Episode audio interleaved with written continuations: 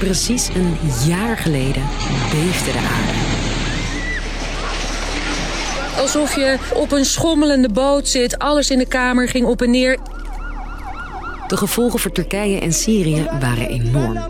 Bijna niemand kan vertellen over die, die nacht eh, zonder, eh, zonder te huilen, zonder emotioneel te worden. Hoe is het nu, een jaar na die alles verwoestende aardbeving? Daar vertel ik, Sophie, je meer over. Lang verhaal kort. Een podcast van NOS op 3 en 3FM. Met fakkels of schijnend met de lampjes van hun telefoon trekken duizenden Turken 's ochtends vroeg de straat op. Ze herdenken de duizenden mensen die omkwamen bij de aardbeving. Door bloemen in een rivier te gooien herdenken ze de slachtoffers. Ik hoor veel mensen zeggen dat het voelt alsof het gisteren was. Hè? Alsof er niet een jaar voorbij is gegaan. Vertelt mijn collega Mitra Nazar, die in Turkije werkt en daar veel mensen spreekt over de aardbeving. Het was de zwaarste in meer dan 80 jaar.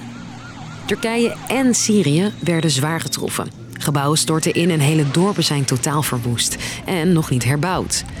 En veel mensen verloren iemand, vertelt Mitra. 53.000 doden hebben we het over. Nou, dat is gewoon bijna niet te bevatten hoeveel dat er zijn. Bijna niemand kan vertellen over die, die nacht eh, zonder, eh, zonder te huilen, zonder emotioneel te worden. Veel mensen zijn ook boos. En dat is te horen bij de herdenking. Zodra een minister het podium opkomt, hoor je dit.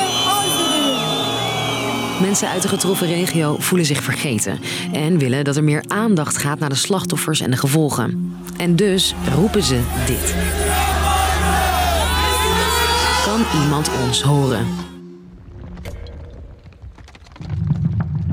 We horen over honderden doden, nog veel meer gewonden in Syrië. Maar dat is eigenlijk nu niet makkelijk om daar een goed beeld van te krijgen, want ze zitten er nog middenin. De aardbeving vond plaats aan de grens van Turkije met Syrië.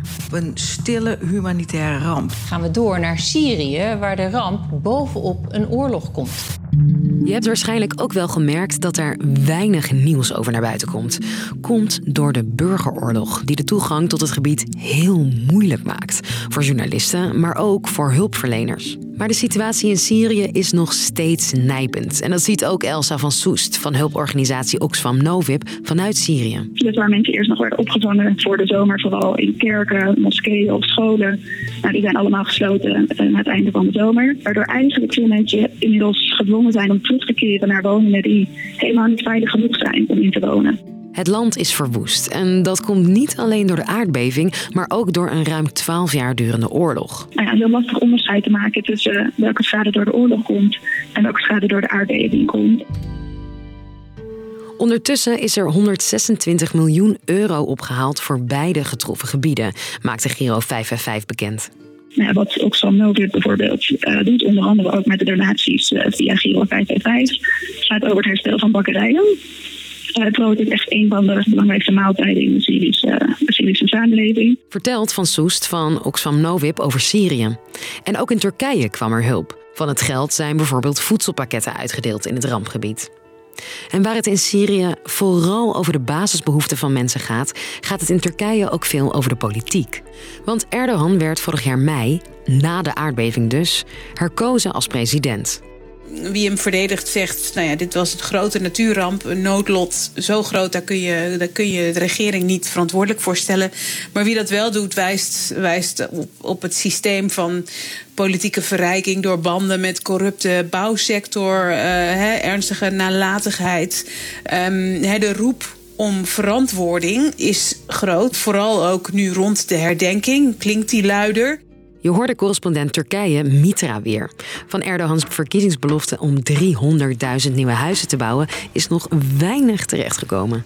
Volgens de autoriteiten zijn er op dit moment iets van 46.000 huizen klaar voor bewoning. Dus ze zijn wel hard aan het werk. Maar dat betekent wel dat de meeste slachtoffers uh, nog steeds in containers uh, wonen. Ondanks dat is de kans klein dat Erdogan binnenkort opstapt. Ik uh, interviewde een analist die, die zei het wel treffend. Die zei als, als een schip zinkt, dan kun je beter de kapitein te vriend houden. Die is tenslotte degene die de reddingsvesten uitdeelt. Dus ja, je ziet dat mensen nu echt um, aan het wachten zijn op die nieuwe woningen. eerste levensbehoeftes, um, want het is nog steeds een diepe crisis.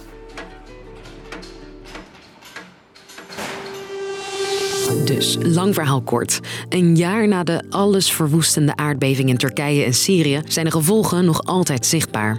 In Turkije richten slachtoffers zich steeds woedender tot de regering. En ook in Syrië gaat het een jaar na de ramp nog niet goed. Omdat er nog steeds oorlog is, zijn de omstandigheden voor veel mensen in het land heel erg slecht.